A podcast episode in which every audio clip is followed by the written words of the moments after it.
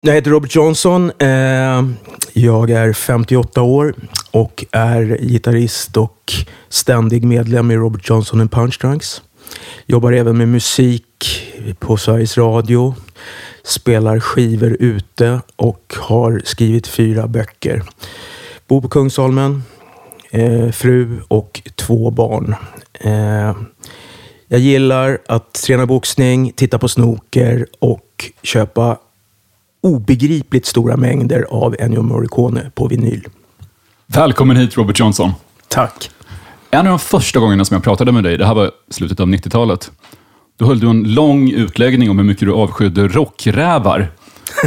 och eh, det var på den tiden jag nästan bara lyssnade på hiphop och techno. Så jag tänkte i min enfald att du var en rockräv. Man eh, hade tydligen fel om det. Ja, faktiskt. Vad, vad är din definition av rockrävar? Ja, det är nog, det, det är nog de här som, som säger ah, det där är inte blues. Så. Ja. 2016 så meddelade du att du skulle sluta spela gitarr. Och för mig som betraktat dig som en av Sveriges ytterst få gitarrhjältar så var det lite av en chock. Hur kom det sig att du bestämde dig för det?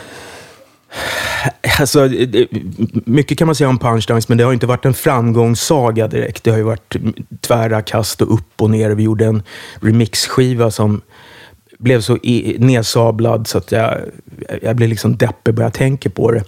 Så att det har varit mycket upp och det har varit mycket ner. Och just då vid den tidpunkten var det ganska mycket ner. Så att jag sålde den gitarren, en fyrkantig Gretsch Bo Diddley, till Dregen. Vad fick du för den? 5000. Det låter rätt lite. Ja, men det var, det var vad jag hade gett för den och sådär. Dregen är en, en snäll kille och sådär. Så att jag tyckte, "Men vad ska jag tjäna pengar på honom för? Men han lät mig köpa tillbaka den. För att jag ångrade mig. Hur lång tid gick det? Ja, det gick väl två år tror jag, eller sånt där. Och under tiden så hade min son fått en gitarr som jag liksom gick som en katt runt het gröt. Och jag ville inte ta i den. Och sen så när det hade gått några månader så gick jag fram, tog eh, Gordons gitarr och började spela lite. Och direkt så började jag göra en låt. Som blev med X-Pistols, som blev Cantona Gat System. Och när jag hade gjort den så ringde jag direkt till Per Wiksten.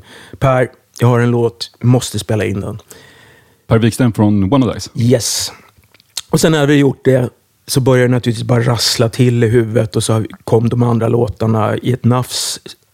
Spela in dem, ge ut skivan. Och där skulle jag någonstans ha dragit i handbromsen och tyckt att fan vad coolt att ha alla de här låtarna. Men så, så bestämmer man sig för att ge ut låtarna och då, det är då allting raseras. För det blir ju aldrig riktigt sådär bra som man tänker sig innan, när man sitter med den här färdiga skivan. Dels vill man inte lyssna på den efteråt och dels eh, så är ge ut skivor idag är förenat med ganska mycket besvikelse. Folk vill köpa Led Zeppelin om och om och om igen. Det är ingen jävel som vill köpa det. Jag tror inte det finns en ny skiva runt hela Sankt Eriksplan i alla de här butikerna. Folk köper begagnat och välkänt. En del gitarrister älskar verkligen gitarrer. Jag hade precis Wayne Hussey från The Mission här, som pratade om varför han skriver mer erotiskt om gitarrer än om sex i sina två självbiografier. Och han hade en idé om att det är som att smeka en kvinna eller någonting. Han verkligen älskar gitarrer. Och andra band, som The Hives, har bränt miljontals kronor på exklusiva gitarrer. Du verkar inte riktigt vara en gitarrfetischist på det Aldrig viset. varit. Aldrig. För mig är det, gitarr är verkligen bara ett instrument. Jag har alltid haft billiga gitarrer. Jag hade någon Les Paul Junior någon gång på 80-talet som då kostade kanske 5 000. Men eh, jag har aldrig varit lockad av eh, eh att, att bränna pengar på gitarrer. Nu har jag dessutom bara en gitarr.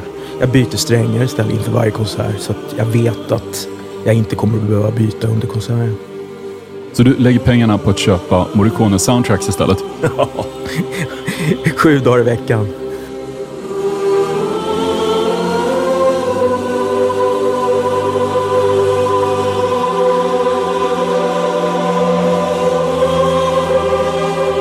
Ja, det här är Moses som faktiskt var min inkörsport till Morricone. Eh, faktiskt innan Dollar-trilogin. Det var en svensk eh, tv-kanal, det var ju bara två på den tiden, som visade Moses med Burt Lancaster. Fantastisk låt.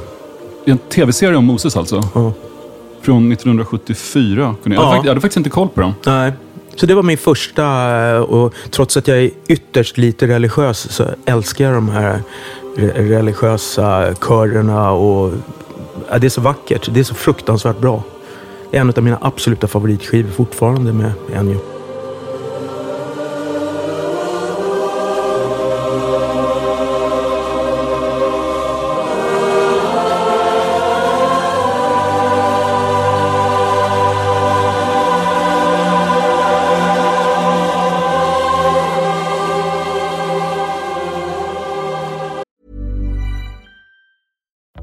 Happen in three years, like a chatbot may be your new best friend. But what won't change? Needing health insurance. United Healthcare Tri Term Medical Plans, underwritten by Golden Rule Insurance Company, offer flexible, budget friendly coverage that lasts nearly three years in some states. Learn more at uh1.com.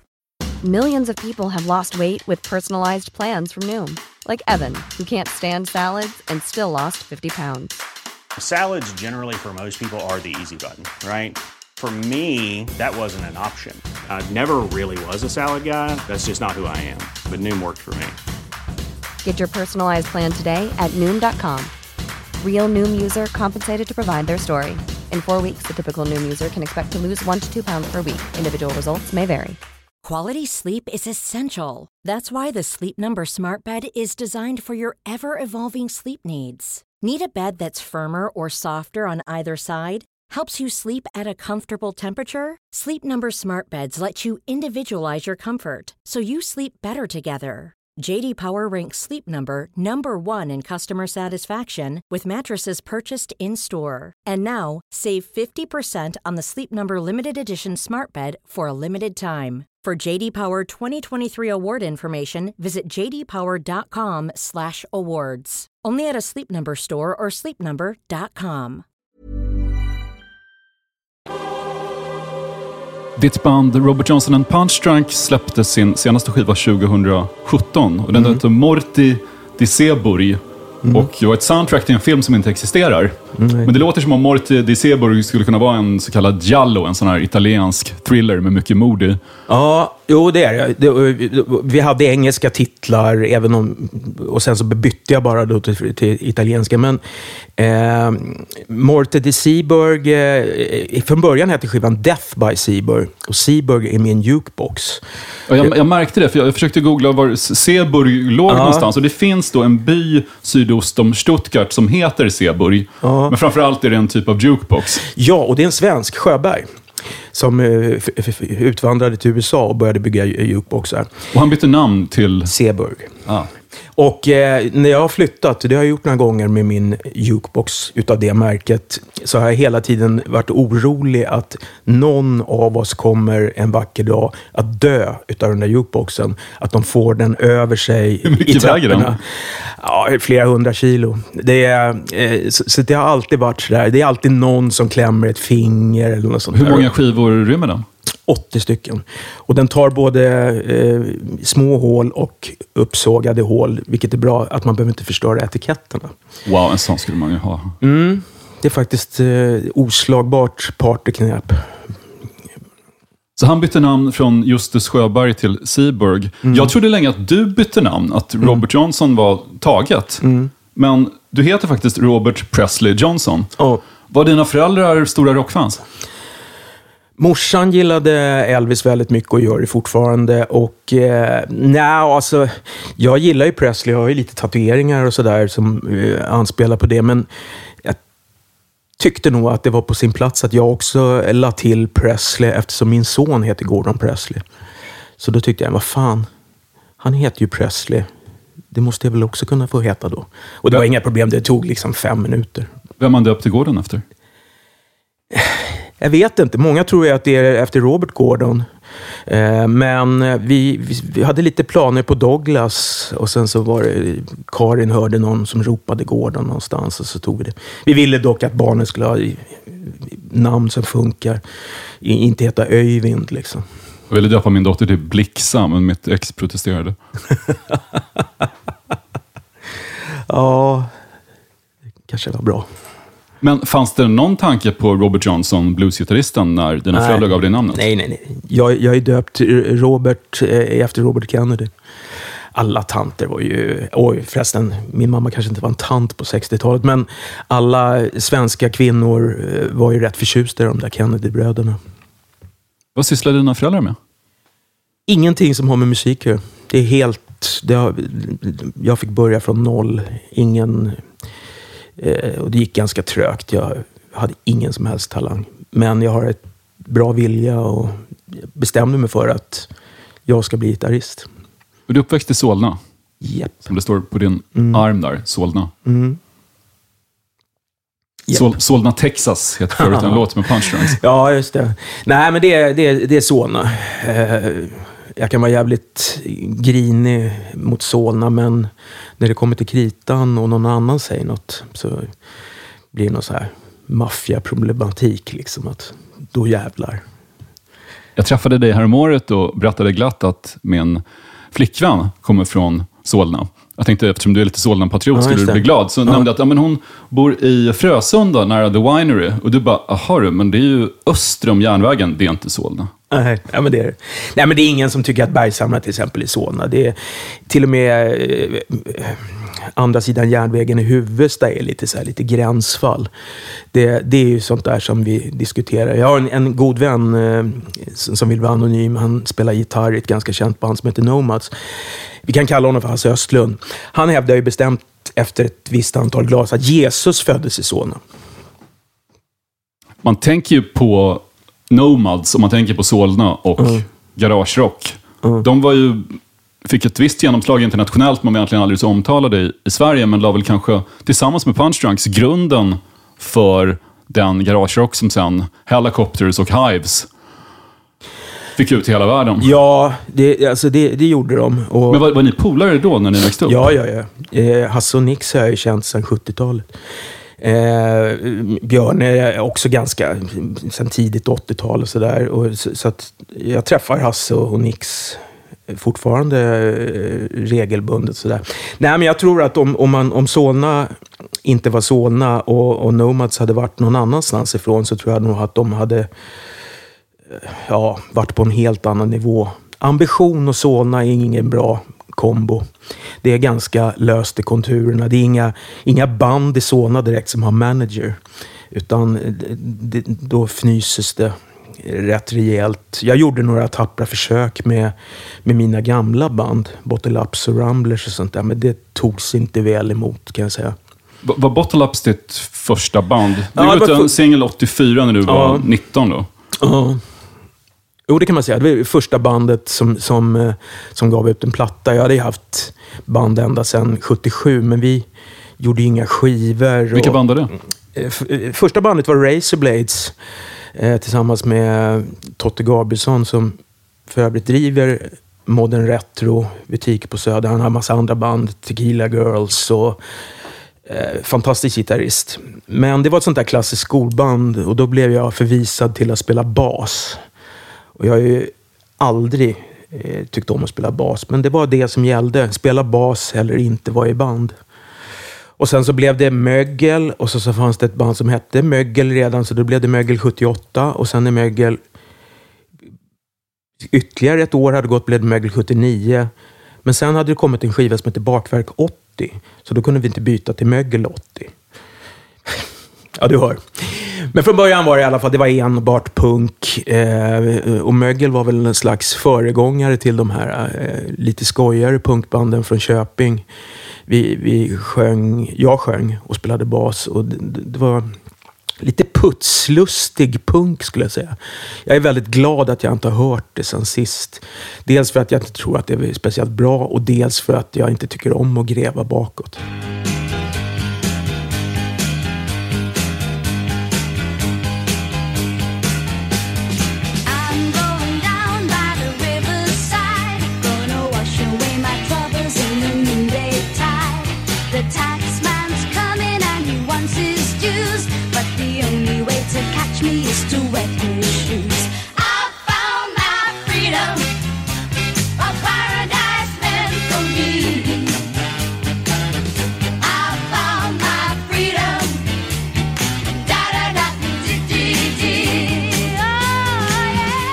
Ja, det här är alltså min första singel. Den som liksom eh, lossade på alla tänkbara tvingar. Och, och jag fick den på min födelsedag 1972 utan morsan som även har skrivit fint på omslag. Fantastisk låt. Jag gillar den fortfarande exakt lika mycket. Och det här är alltså Freedom med Mac och Katie Kizum.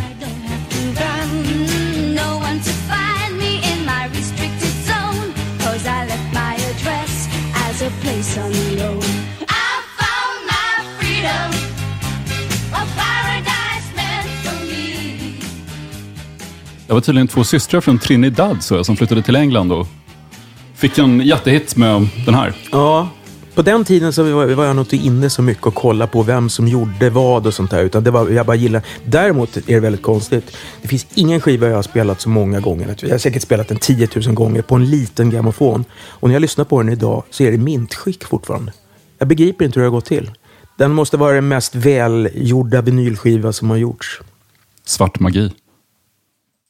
Så kan man säga. Du spelade i Bottle Ups som gjorde någon sorts garage-surfrock. Ja, det var, väl- lät ungefär som Ennio Morricone på speed. Och om, om man lyssnar på det nu så är det ju inte superolikt det som Punch Drunks har sysslat med, fast ni har kanske förfinat det lite. Ja, jo det, är- eh, det, det var en... Eh, värsta är, jag vet inte riktigt hur jag kom in i det. Jag vet att jag lyssnade på Link Ray och jag lyssnade naturligtvis på Morricone. Så, Link Ray som är känd som den första som använde destruktion ordentligt på gitarren. och som alltid har varit min nummer ett förebild på gitarr. Och jag vet inte exakt hur jag fick för mig att just de två beståndsdelarna skulle passa ihop. Det Skriver kanske ni- det inte gör. jag vet inte, men Skriver ni fortfarande upp Link Ray på era gästlistor? Eh, ja, det händer. Och... Eh, Jag hörde talas om det på 90-talet, att Punch Drunk skriver alltid upp Link Ray på gästlistan. Fick, fick han plus en också, eller? Eh, Det hände och, och Alibaba plus 40. Helan plus halv har vi skrivit upp också. Nej, men eh, vi skulle ju spela med Link tre, tre turnéer som blev avbokade i sista eh, stund. Han bodde i Danmark och hade en, en ganska bestämd fru som inte ville att han skulle slösa bort sin talang på värdelösa Sverige. Utan han, hon ville eh, att han skulle spela mer i USA. Sånt där. Stod och borstade hans långa hästsvans på scenen och så. Så att, eh, nej, det blev inte av. Det var lite tråkigt. Vi spelade tillsammans med Dick Dale. Och det var inte alls samma sak. Han var ganska tråkig. Och vi... Och både Dick Dale och Link Ray fick ju någon typ av renässans tack vare filmen Pulp Fiction. Ja. Där Dick Dale spelas över förtexterna och Link Rays klassiska Rumble, som ni har gjort cover av, om jag inte minns fel, eh, spelas sen in i filmen. Ja. Men fi- fick Punch Drunks lite av ett genomslag tack vare Pulp Fiction också? Ja, det fick vi. Eh, vi. Som tur var så hade, vi, hade ju vi redan spelat eh, några år innan. Och sen hade jag ju då Bottle Ups i bagaget. Så det, vi fick ju aldrig det här eh, att vi hade dragit igång på grund av Pulp Fiction. Men eh, jag tror nog att det gav oss en liten skjuts i, i karriären. Och när Pulp Fiction kom så hade vi dessutom Miserloo i, i låtsättet. Så att eh, det gjorde nog sitt. Men eh, jag vet inte, jag, jag har ju aldrig tyckt om Tarantino så att jag var inte så förtjust i honom. Hur kan man inte gilla Tarantino? Nej, jag tycker han är klåpare. Jag är lynchkille. Eh, för mig är allting svart eller vitt. Ja, Jag, men det är ju två helt olika regissörer. Ja. Noll koppling. Tarantino skulle jag jämföra med Woody Allen.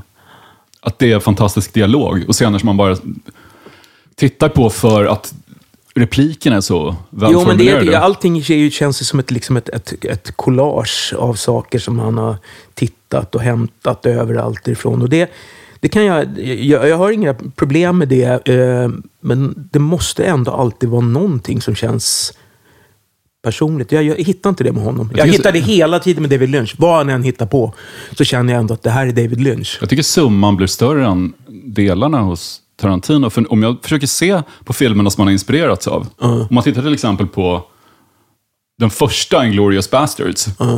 Den är ju helt värdelös.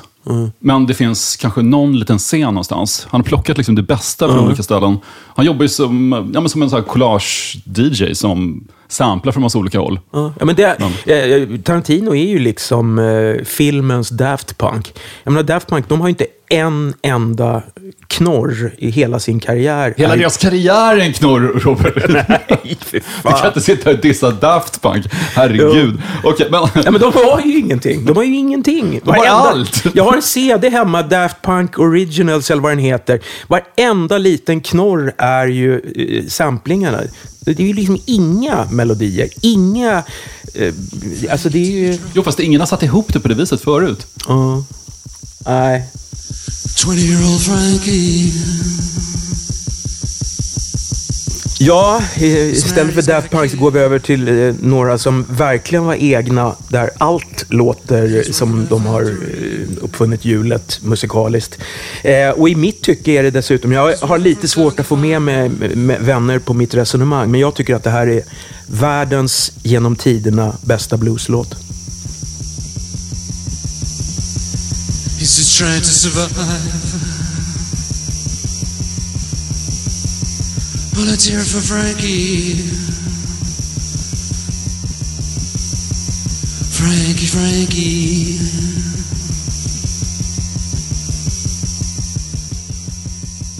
Frankie Teardrop. Jag kan tänka mig faktiskt att Springsteen skulle kunna hålla med dig om att det är världens bästa blueslåt. Han har ju tolkat Dream Baby Dream. Ja. Och Nebraska är hans bästa skiva. Utan minsta lilla tvekan. Fick du se Suicide någon gång med Ja. Martin Rev och Allan Vega? Ja. Ja, det är en fantastisk upplevelse och, och eh, Allan Vega, jag har ju, det syns ju inte det här, men jag har ju han och Martin Rev över hela magen. Eh, jag, jag, han är nog topp 10 musikmänniskor som jag beundrar mest för den där envisheten att stå liksom eh, kväll efter kväll och få massa flaskor kastade i ansiktet. De stod liksom och skar sig i ansiktet för tre personer i början på 70-talet. Alltså det finns ingen som har stått upp för sin musik och, och liksom varit så benhårda i sin övertygelse att det här vi gör, det är det enda vi kan göra, det enda vi ska göra och det enda vi kommer att fortsätta att göra. Alltså, all hail till Allan Vega och Martin Rev. De är för evigt eh, mina stora, tror jag, förebilder. De är, de är nästan i, uppe i Muhammad Ali. De här riktiga, sådana som jag tänker på varje dag. Jag tror nästan att jag tänker på Allan Vega varje dag. Och de var väldigt tidiga med att göra elektronisk ja, musik. ja, ja, Det, det är till och med det är före punken. Ja, ja, ja. De gjorde det här Det för- i slutet på 60-talet, början på 70-talet. Det är bara lata journalister som säger att Kraftwerk var eh, innovatörer och först och bla bla bla. Så det finns så mycket bra elektronisk musik och, och eh, syntmusik och sånt där som var innan Kraftwerk. Jag tar inte udden av det Kraftwerk har gjort, men de var definitivt inte först. När Suicide höll på med syntmusik, då satt ju eh, Florian och gubbarna och eh, rökte pipa och spelade flöjt. Apropå Suicide så skrev du så här i din bok Ingen tröstar bananflugor. Jag hatar att prata rock. Hatar biografier som glorifierar folk som dricker piss och snortar myror. Det vill säga böcker som är rock. Det krävs intelligens för att vara galen. Jag vet exakt vad som är rock'n'roll och det är inte Ozzy, Lemmy eller Motley Crue. Rock, det är karikatyrer. Alla som är rock har ett eget flipperspel. Alla har slängt ut saker från hotellrum och alla beter sig som retards. Rock'n'roll är när man likt Alan Vega skär sig i ansiktet inför tre betalande personer med musik som är tio år före sin tid. Skillnaden mellan rock och rock'n'roll har vi där. Ja, nej, men det jag, jag kan nog fortfarande eh, skriva under på mina egna ord. Det är väl tre, fyra år sedan jag skrev det där. Men det, det, är- det är just det där att eh, man ska aldrig prata om vad som är rock. Aldrig, aldrig, aldrig. Har du själv blivit bombarderad med flaskor eller attackerad på scen likt Allan Vega? Det är ingen som törs. För du är boxare. Ja. Nej, men eh, ett tag så hade jag med, med så hade jag ett baseballträ som det stod RJAP, som jag lutade mot min gamla trotjänare Trainer och sådär. Jag tänkte, så här är bra fall att någon kommer upp eh, på scenen. Det där baseballträet är fortfarande så här mint skick. Det är ingen som har varit upp och känt ens på det trädet och ingen som har skruvat om på min förstärkare. Men de mest ne- negativa reaktionerna fick ni väl med ert remix-album, när ni remixade Taste the Whoop at Okie Dog. Ja. Det var en sk- det första skivan var när du experimenterade med krautrock och elektro Ja. och tog ut svängarna rejält och förvirrade ganska många gamla Ja. fans. Ja, det var, alltså det, vi gjorde ju alltså ingen riktig skiva, utan vi remixade ju direkt.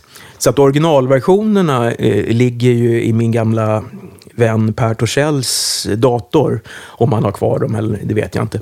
Så att eh, folk var förbannade. Alltså. Andreas Tilliander var inblandad där Ja. och mixade lite. Ja, och eh, massa finska eh, krautälskare. Det var, det var så här, vad heter han? Opel Bastards och Bangkok Impact och sånt där.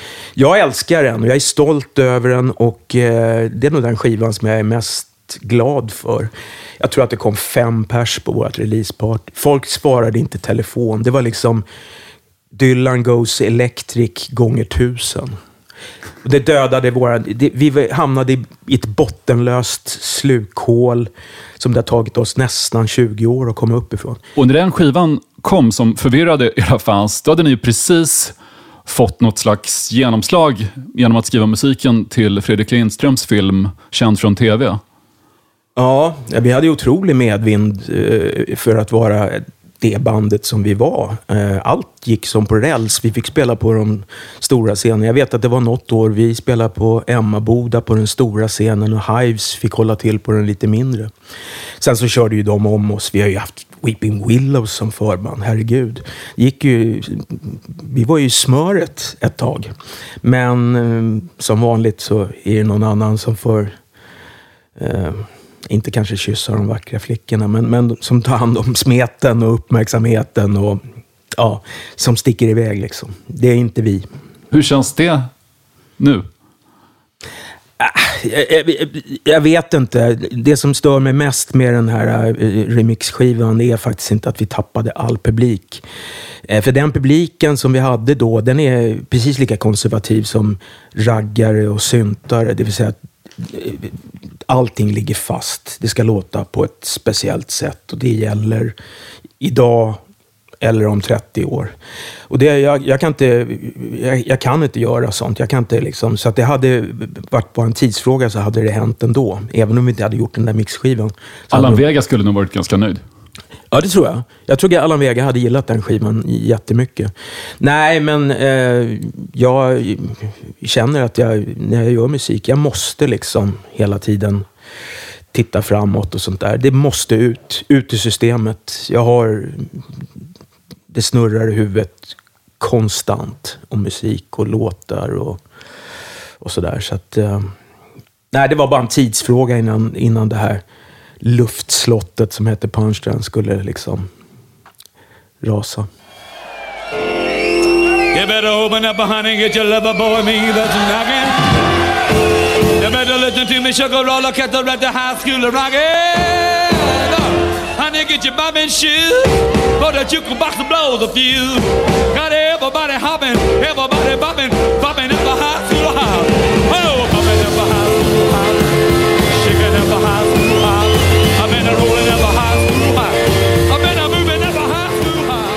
Ja, det här är ju eh, en av mina eh, större åkommor, eller vad man ska säga. Jag köper samma skiva om och om, igen. Det är världens mest fantastiska skiva. Eh, Jerry Lee Lewis i, i Hamburg. Han är helt galen. Han skäller ut bandet. Han är satt under hård press. Det har uppdagats att han har en giftermål med en 13-årig kusin. Beatles har kommit. Jag tror att han går på alla tänkbara illegala substanser. Eh, han är galen. Han ska visa att han inte är slut. Och som han visar det. Gosse.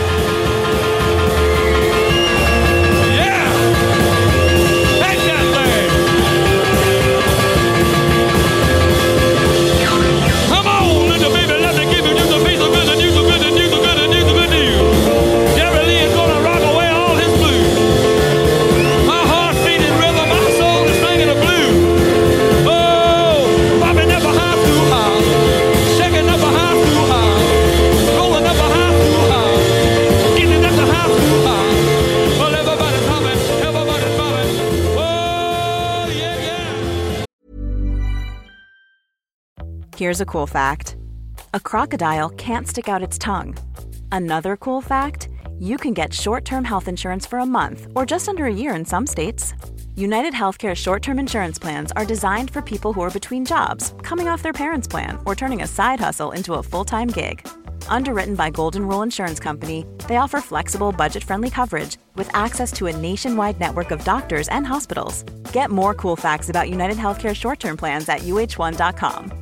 Burrow is a furniture company known for timeless design and thoughtful construction and free shipping, and that extends to their outdoor collection. Their outdoor furniture is built to withstand the elements, featuring rust-proof stainless steel hardware, weather-ready teak, and quick-dry foam cushions. For Memorial Day, get 15% off your Burrow purchase at burrow.com slash ACAST and up to 25% off outdoor. That's up to 25% off outdoor furniture at burrow.com slash ACAST. Millions of people have lost weight with personalized plans from Noom, like Evan, who can't stand salads and still lost 50 pounds. Salads, generally, for most people, are the easy button, right? For me, that wasn't an option. I never really was a salad guy. That's just not who I am. But Noom worked for me. Get your personalized plan today at Noom.com. Real Noom user compensated to provide their story. In four weeks, the typical Noom user can expect to lose one to two pounds per week. Individual results may vary. Och det här är på Star Club i Hamburg 5 april 1964. Klassisk liveskiva. Hur många ex av den har du? 58. Nej. Ja, men det är, alltså, det, det, jag försöker inte dammsuga världen på det liksom, och beställer på disco och sånt där. Men så fort jag ser den i en affär så köper jag den. För att det känns bra. Det, alltså det, det, det känns faktiskt bra att gå hem med den. Och, och så brukar jag be de som har affären att ta en bild av det. Liksom. det, vissa köper en latte för pengarna eller kanske ett örhänge.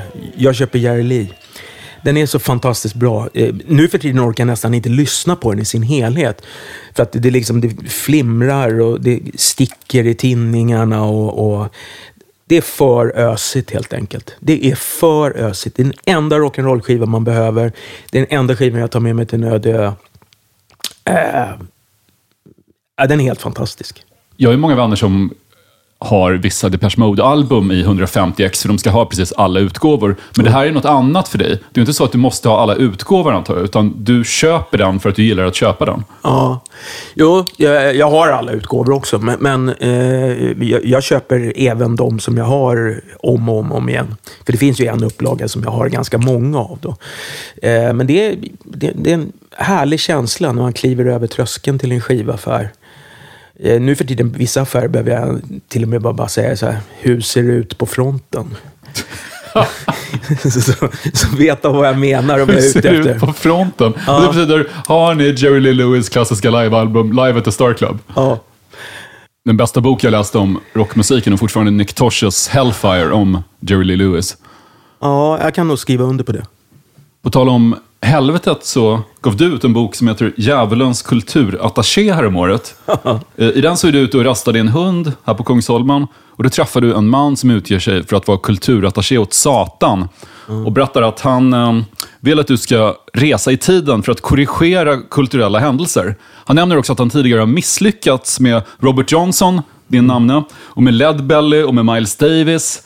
Men han tror att du kan vara rätt man för det här uppdraget eftersom du, säger han, hela tiden försöker vara unik, sticka ut, inte kompromissa. Din ilska mot ditt i tycke meningslösa artister, pjäser, böcker, tavlor och människor. Allt det här upptar all din tankeverksamhet. Dygnet runt. Jag vet. För jag har följt dig sedan första gången jag såg till att du blev inlåst i replokalen nere i Näckrosens tunnelbanestation. Jo, det var jag. Men det är också jag som har räddat dig i slagsmål. Och när du drack dig medvetslös varje helg och somnade på bänkar här och där utspritt över hela Storstockholm. Jag försökte väcka dig innan du släpades iväg efter en tunnelbanevagn vid Västra skogen i Solna. Wow, har, har du blivit ivägsläpad efter tunnelbanevagnen? Ja. Så, man kan dö så? Ja. Jag hade nog dött. Eh, foten... Eh, det var- Fastnade i mellan två Ja, dörrar? det här, du vet, Ja. det här tjocka gummit som var me- mellan de gamla dörrarna. Eh, jag eh, släppte naturligtvis en bit in i tunnel, tunneln av tyngden då för mig. Så att jag vaknade upp där inne och och insåg att jag var nästan så här skinnflådd. Jag fick inga skador på huvudet, men, men på kroppen var jag... Så när jag kom upp eh, vid spärrarna, där jag blev uppburen, så... Eh, jag har ont någonstans, frågade polisen. Och så drog jag upp skjortan så här, så var det bara såg ut som en så här splatterfilm. Så att unga tjejer så här svimmade. Och det var en väldigt märklig kväll. Som... Eh, ja, jag bröt ingenting, tror jag. Men eh, jag var ju nära. Hade det varit en station som de har nu, som är tätt mot tunnelbanan, så hade det nog inte blivit något hemma hos Drage. Men eh, nu var det en sån här liten plåtdörr. Eh, och eh, jag, precis som alla säger så såg jag ju hela livet revy. Och det gick både fort och långsamt när jag åkte efter tunnelbanan då på hela perrong. För då jag satt i sista vagnen. Och så den här smällen av den där lilla plåtdörren som man alltid puttade till när man skulle gå ner och pissa på spåret när man var yngre. Eh, och sen så såg jag de där röda Vä- Vänta lite, backa lite. Jag tror inte att så många har gått ner och kissat på rälsen i tunnelbanan. Det låter ju ofantligt korkat. Det, ja, det var det. Eh, men, eh, och sen så såg jag de här röda ljusen och tunnelbanan som seglade bort och in i tunneln. Och jag hörde de här illskriken också medan jag åkte på, eh, på perrongen. Hur blev du inlåst i replokalen då? Ja, jag var väl berusad antar jag. Eh, trots att jag, jag var ganska ung. Så jag hade väl börjat dricka mellis och sånt där. Och man fick passa sig bara för på den tiden så eh, var det många som använde burkar till någonting annat än att dricka ur dem. Men, eh, nej, men sen var man ju inne i det man gjorde. Eh, man satt ju och repa på helgerna och det höll ju en borta från eh, ganska mycket. Eh, som eh, kanske inte var helt legalt. Så att, eh, och och helt plötsligt så, visst fan, nu har ju tunnelbanan stängt. Så då var man väl tvungen att vara där nere. Det var samma sak när man skulle ner och repa, så var man tvungen att säga till dem i, spärren, vi ska ner och repa. Och när man inte skulle ner och repa, utan man bara skulle åka in till Wolfis och köpa skivor. Vi ska ner och repa. Såklart. Så att... Eh, jag säger inte att det var bättre förut. Det var annorlunda. Men när du får i uppdrag då i boken av eh, Djävulens kulturattaché att åka tillbaka och korrigera kulturella händelser, vilka väljer du att fixa till? Ja, eh, ett av de första det var ju att eh, på något sätt ta koll på Led Zeppelin. att se till att, att, se till att ett, eh, ehm, Jimmy Page inte kan spela. Eh, jag har en livslångt eh, aversion mot, mot det där bandet. Jag tycker att de står för allt det som jag tycker är dumt med rockmusik. Du är så arg nu att ditt ben skakar Ja. upp och ner. Ja, Nej, men det är, de har tagit mycket från svarta bluesmusiker. De har snott från eh, bandet Spirit och stråkar och dubbla gitarrhalsar.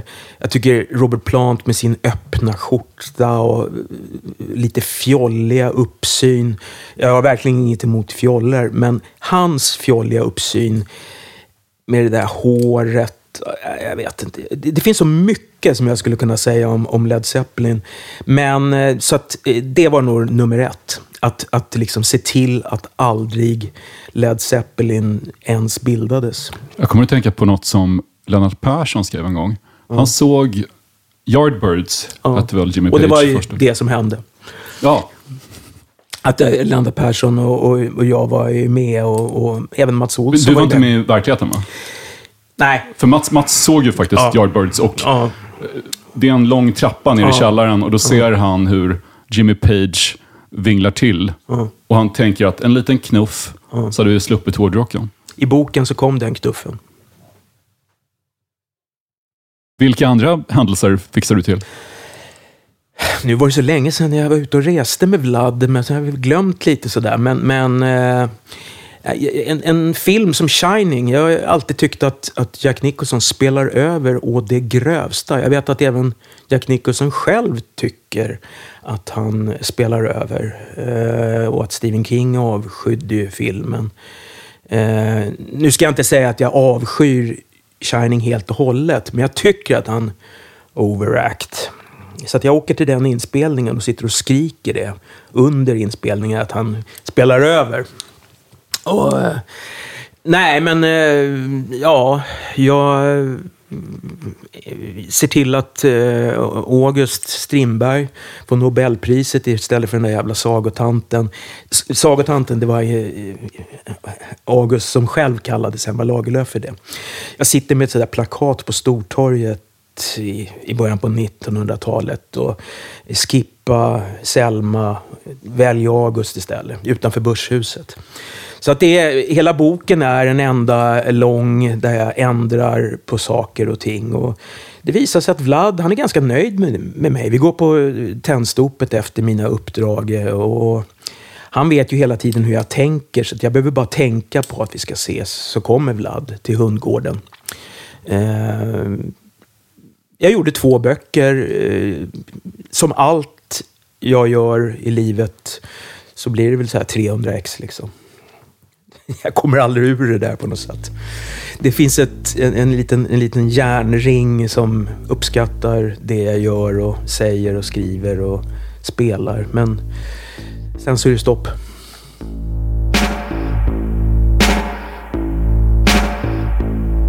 Det här är den absolut eh, bästa eh, svenska filmlåten genom tiderna. Jag har velat göra den i 40 år. Eh, jag kan lätt säga att eh, Anständigt liv fick mig att aldrig någonsin vilja stoppa en, en spruta i mig. Eh, det är helt fantastiskt. Jag visste inte hur jag skulle göra den först jag kom på att göra den kanske med Ulf Dageby och Per Melin och sen även då Martin Hederos och Conny Nimmersjö. Helt fantastisk låt. Och så här låter er cover av Ulf Dagebys Gallret.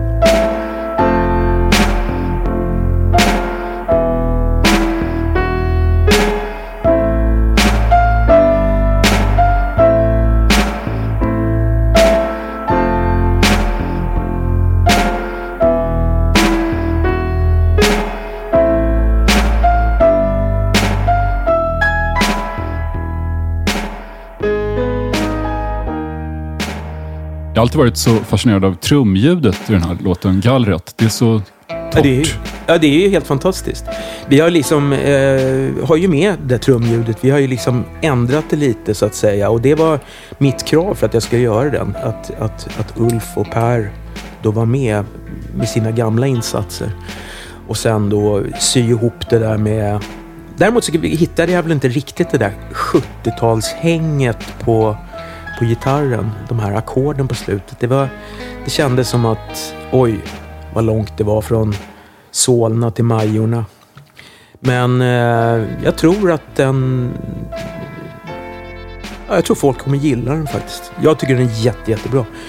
Den är nog kanske den här låten som jag är mest stolt över. Jag är inte så stolt annars över musik som jag har gjort. Det är bara någonting som fladdrar förbi och sen så tänker man på något annat. Men du jobbar på Sveriges Radio Ja. som musikredaktör. Du måste ju lyssna på väldigt mycket ny Ja. musik. Hur påverkar det ditt musiklyssnande i övrigt? Ingenting. Det är bara pang så, så ställer jag om öronen till privatöron och eh, sen har jag jobböron. Och det går liksom inte att klampa in i det där på något sätt. Ingenting som jag håller med på på jobbet hamnar i mina privata musiköron och, och vice versa. Hur kommer det sig? Det, För du är ändå vet- nyfiken på nya saker. Ja, jo. Det, det är bara det att det finns ingen annan musik som, som rör sig i mina... Jag har ju liksom, eh, nu i 30-årstid har jag försökt föra in surfmusik. Jag kan inte ens säga att det vi gör är surfmusik, men jag har velat göra i alla fall det som vi gjorde från början, ganska traditionellt. Att föra in det i 3000-talet. Och det har gått jävligt dåligt kan jag säga. Fy fan vad det har gått dåligt. Det är liksom, det är, det är inte många som förstår det. Utan de tycker att jag är galen och borde återgå till att spela Mr. Lou. Eh, och framförallt, kliv aldrig upp på scenen och spela surfrock utan att ha en riktig trummis och en basist som helst ska spela ståbas och snurra på basen och, och så vidare. Och sånt där. Eh, så nu gör vi skivor som är, som är mitt huvud på ja, det som jag vill få fram. Men vi har live-trummis. Så att jag har väl förlikats med det. Du körde trummaskin ett tag Ja, och det gick inte riktigt hem. nej för helvete. Och det, det, jag menar, jag skulle kunna göra det hur länge som helst och, och få de där flaskorna kastade i ansiktet som, som Allan Vega. Eh, problemet är ju bara att jag får, fick ju inga spelningar. Så det, och då är det ju ingen poäng med att stå där hårdnackad om, om det inte händer någonting. Så att... Eh, men det börjar, det börjar rulla, känner jag nu. Det, Du, du har gjort ett par bejublade spelningar i år. Ett par få. ja, du- en i alla fall. Du nämnde i din bok att ni skulle trappa ner på antalet gig för att behålla din entusiasm. Ja. Och eh, du uttryckte det väldigt slagkraftigt om det här i, i boken. Du skrev Hej då Bluesföreningen i Finspång. Så galet felbokat en onsdag klockan 21 i maj samtidigt som Champions League-finalen. Hej då Motorgården i Enköping utan ström. Hej då alla musikföreningar som ber och bönar om att vi ska ta mindre pröjs för att sen veckan efter vräka pengar över något jävla knullo från någon dokusåpa som ska blanda drinkar i baren. Hej då. Oj. Bluesföreningen i Finspång måste ha blivit rasande över den här kommentaren. Nej, däremot så gav vårt eh, bokningsbolag oss sparken. Vi blev inte... Eh, men det var i och för sig med Canton och Gut System. Då fick vi mer eller mindre foten från det bokningsbolaget vi hade. Och, eh, jag är lite restriktiv mot ordvalet eh, i slutet av den där. Jag har dåliga erfarenheter av det. Men nej, eh, vi har varit felbokade, ja. Eh, men det är ingen, ingen ska lastas för det, allra minst eh, det gamla bokningsbolaget. Utan det eh, folk har inte hängt med i svängarna. Det är som jag brukar säga, ibland så fattar jag inte att David Bowie har hänt. Hans 70-tal, det ska vara omöjligt. Ingen ska kunna göra de tvära kasten och på något sätt gå i land med det. Jag vet att han inte var superrik på 70-talet, utan det var ju Nile Rodgers som gjorde han rik 1983. Men det gick ingen nöd på honom på 70-talet. Han fick göra skivor, trots att EMI inte ville ge ut Low, för de tyckte det var det värsta skit de hade hört. Och han hade precis haft hits med, med Station to Station och, och, och Young Americans. Men det ska inte vara möjligt. Prince, det han gjorde, det ska inte heller vara möjligt. Även om han höll sig väl lite mera inom eh, sitt eget gebit. Så att, eh, ja, jag vet inte. Jag tycker nog Kanye West har lyckats med något liknande. Ja. Eller han, i alla fall under en period. Han, han är ju rent medicinskt han är ju psykiskt sjuk. Men, och det slutade ju i katastrof med att han blev nazist. Men strax innan han blev det så hade han en period på i alla fall tre, fyra album där han återuppfann popmusik på, på ett sätt som jag faktiskt tycker kan mäta sig med Bowie. Men eh, det var det inte länge och det hade ju kanske kemiska orsaker mer än något annat. Alltså, eh, rent musikaliskt så, så är ju jag 100% pro hans, liksom, det han gör. Den gränslösheten, jag älskar det. Att liksom bara helt gå in och, och plocka ut Billie Holiday och tycka att det, det är ju helt självklart i min musik. Så är jag också. Men eh, på en annan nivå. Robert Johnson and Punch Drunks hyllades av Iggy Pop i hans podd för några år sedan. Vi lyssnar på hur det lät.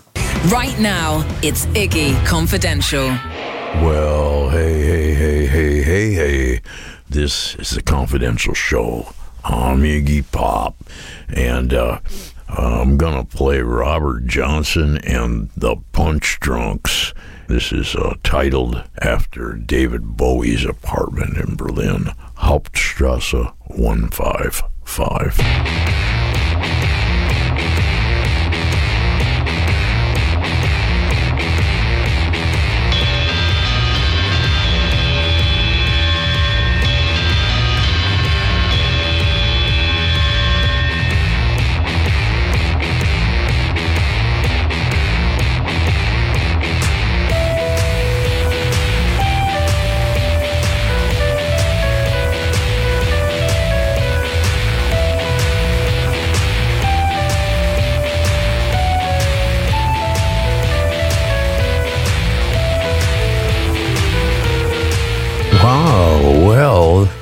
Enjoyed that.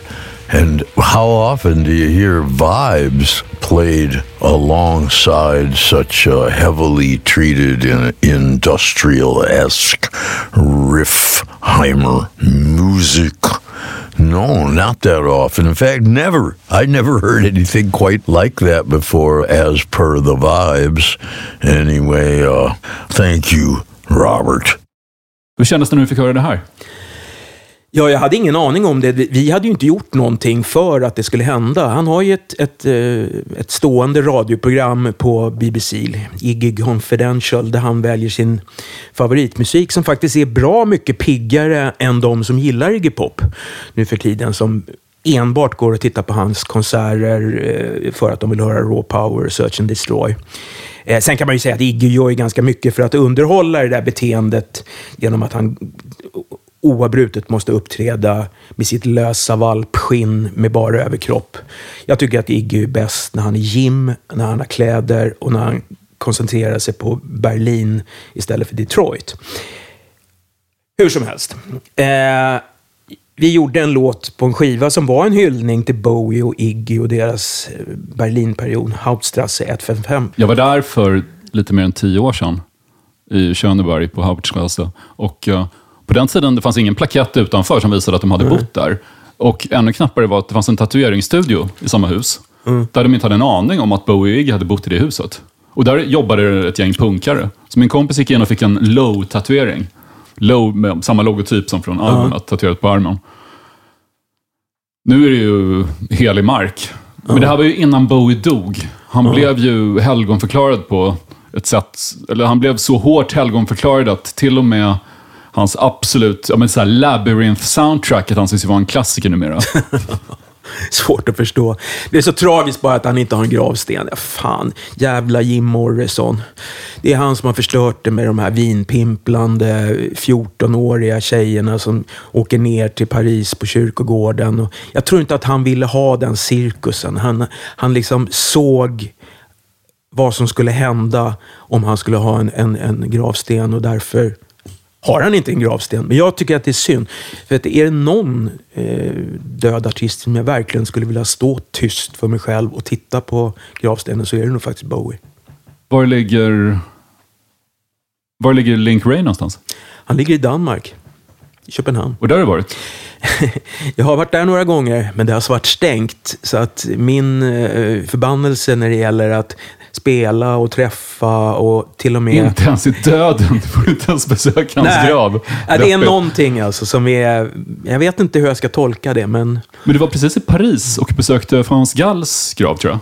Ja, det tyckte jag kändes eh, fint. Inte Jim Morrisons. Nej, aldrig i livet. Dörren är inte min grej. Du, är- du är ju verkligen inte inne på classic rock. Det är inte din pryl. Nej. Men jag, jag, jag tänkte nu i våras, du la upp en bild på Facebook där du skulle åka till Mälarpaviljongerna på Kungsholmen med dina föräldrar och äta middag. Och på den bilden hade du skägg. Och då tänkte jag, nu kommer Robert Johnsons classic rock-fas. Vi hade, hade aldrig sett det med skägg förut. Nej. Nej, alltså... Jag, jag, jag minns inte det själv. Men, men eh, nej, jag eh, är nog ingen skäggsnubbe. Vare sig musikaliskt eller eh, stilmässigt. Det måste ha varit ett... eh, Ja, jag vet inte hur- jag tänkte. Det kommer nog inte ske igen. Du köper väldigt mycket skivor. Och häromåret delade du tio budord för skivaffärer på Facebook. Tio regler som du kräver att folk följer när du är där för att shoppa. Jag tänkte vi skulle gå igenom de här reglerna. Okej, här kommer alltså Robert Johnsons tio regler för skivaffärer. 1. Beatles är inte facit på allt. Okej? 2. Bee Gees var inte bättre på 60-talet. Det hör man ganska många säga. Man säger inte minken, linken, finken eller hinken högst. Vem är Finken? Rat Fink. Ja. Fyra. om, om, någon, om någon kallar Link Ray för Linken så blir du bara irriterad. Ja, ni är i en skivaffär, Ja. åtminstone. Ja. Eh, fyra. Nej. Brian Jones var inte den viktigaste medlemmen. Fem. Pro, prata inte oavbrutet med någon som bläddrar. Alltså när man är en skivaffär, ibland har man ont om tid. Och är det då något, något gammalt Solna-mos som står och maler i örat så förlorar man viktig bläddetid. Eh, oerhört irriterande. 6. Heartbreakers är Thunders, inte Petting. Kan vi eh, prata lite där om att du en gång var taxichaufför och skjutsade Johnny Thunders? Ja. När var det? Nej, alltså jag skjutsade inte Johnny Thunders, men jag körde hans gitarr. Ännu bättre. Ja. Det var, eh, jag, fick ett bud, eh, budkörning, det fick man ibland som taxi. Och då körde jag hans gitarr från Arlanda ut till Hägerstensåsen där han bodde på Arvodesvägen. Saken hör att det var en, en, en tjej som skulle köra det här paketet. Men jag hade sett gitarren ute där, där de låg och man hämtade dem. Och hon skulle äta lunch i söder om stan. Ja, men jag ska ju ha den här. Jag ska ju käka lunch där. Nej, det skiter jag i. Den där jävla gitarren ska jag köra. Slut på meddelandet. Så jag bara snodde den av mig. Så stannade jag mitt på Arlandarakan och, och gick ut och plockade den där gitarren. Så tog jag fram den och, och satte mig och spelade på den. Det var helt fantastiskt. Och sen när jag kom ut till Hägerstensorosen. och det var ju liksom, klockan var väl kanske halv tolv då på förmiddagen. Det var precis innan lunch. Så kom Johnny ut och så hade han sin dotter Jamie i med ena handen. Så jag stod liksom något steg ner, längre ner då i trappen och var ändå längre än Johnny.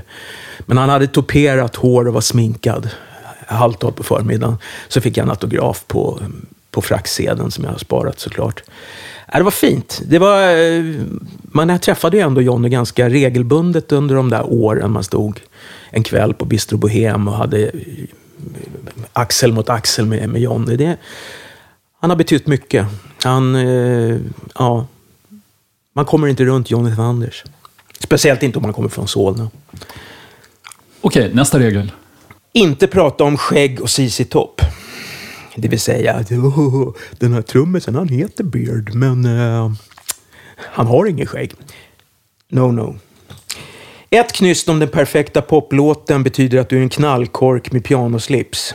Eh, det finns horder av skivsamlare som tycker att Rain, baksidan på Paperback Writer, är den perfekta poplåten. Paperback writer med... Beatles. Ja. Allt, Beatles är ju facit. Vet du. Det är så ett jävla trams. Och Är det Beatles. därför du döpte en skiva till Yoko, the best Beatle? Absolut. Absolut.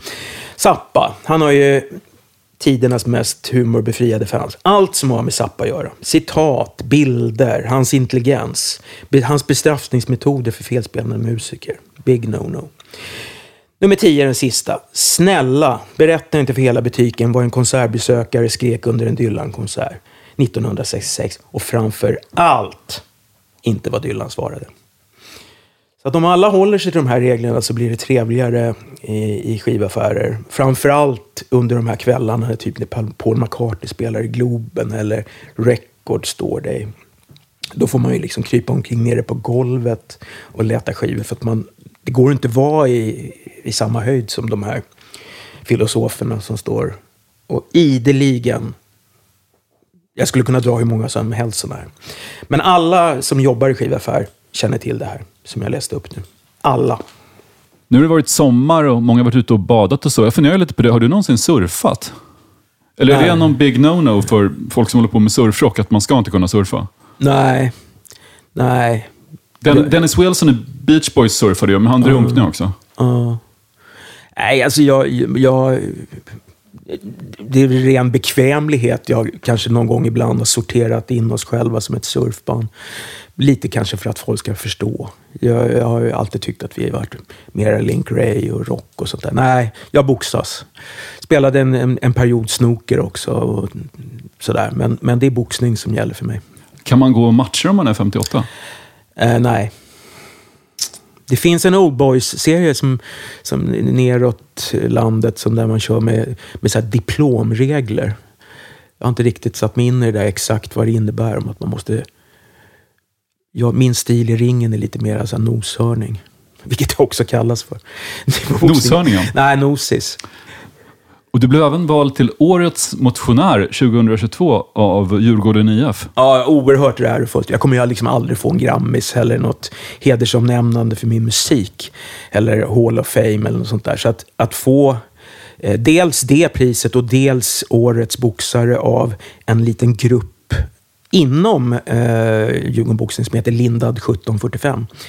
Som är, motionärerna själva har valt eh, mig som eh, Årets boxare. Det är snudd på ännu finare. Jag är oerhört stolt över det. Det är väl en bra subtil protest också mot rock'n'roll-klichéer att bli vald till årets motionär. Ja, absolut. Nej, men det, är, det, är, det är så fint. Jag är en eh, oerhört stolt, stolt pristagare. Jag, jag älskar att få priser. Och jag råkar bara inte få det för min musik, utan för boxning. Men jag är perfekt nöjd med det. det jag lever för boxning. Jag ska för övrigt iväg och sparra alldeles strax. Robert Johnson, tack för att du kom hit och pratade om rock'n'roll och boxning. Tack själv. Det var väldigt kul. Hey, it's Paige DeSorbo from Giggly Squad. High quality fashion without the price tag. Say hello to Quince. I'm snagging high-end essentials like cozy cashmere sweaters, sleek leather jackets, fine jewelry, and so much more. With Quince being 50 to 80% less than similar brands. And they partner with factories that prioritize safe, ethical, and responsible manufacturing. I love that. Luxury quality within reach. Go to quince.com slash style to get free shipping and 365 day returns on your next order. Quince.com slash style. Hey, it's Paige DeSorbo from Giggly Squad. High quality fashion without the price tag. Say hello to Quince. I'm snagging high-end essentials like cozy cashmere sweaters, sleek leather jackets, fine jewelry, and so much more. With Quince being 50 to 80% less than similar brands. And they partner with factories that prioritize safe, ethical, and responsible manufacturing. I love that. Luxury quality within reach. Go to quince.com slash style to get free shipping and 365-day returns on your next order. quince.com slash style.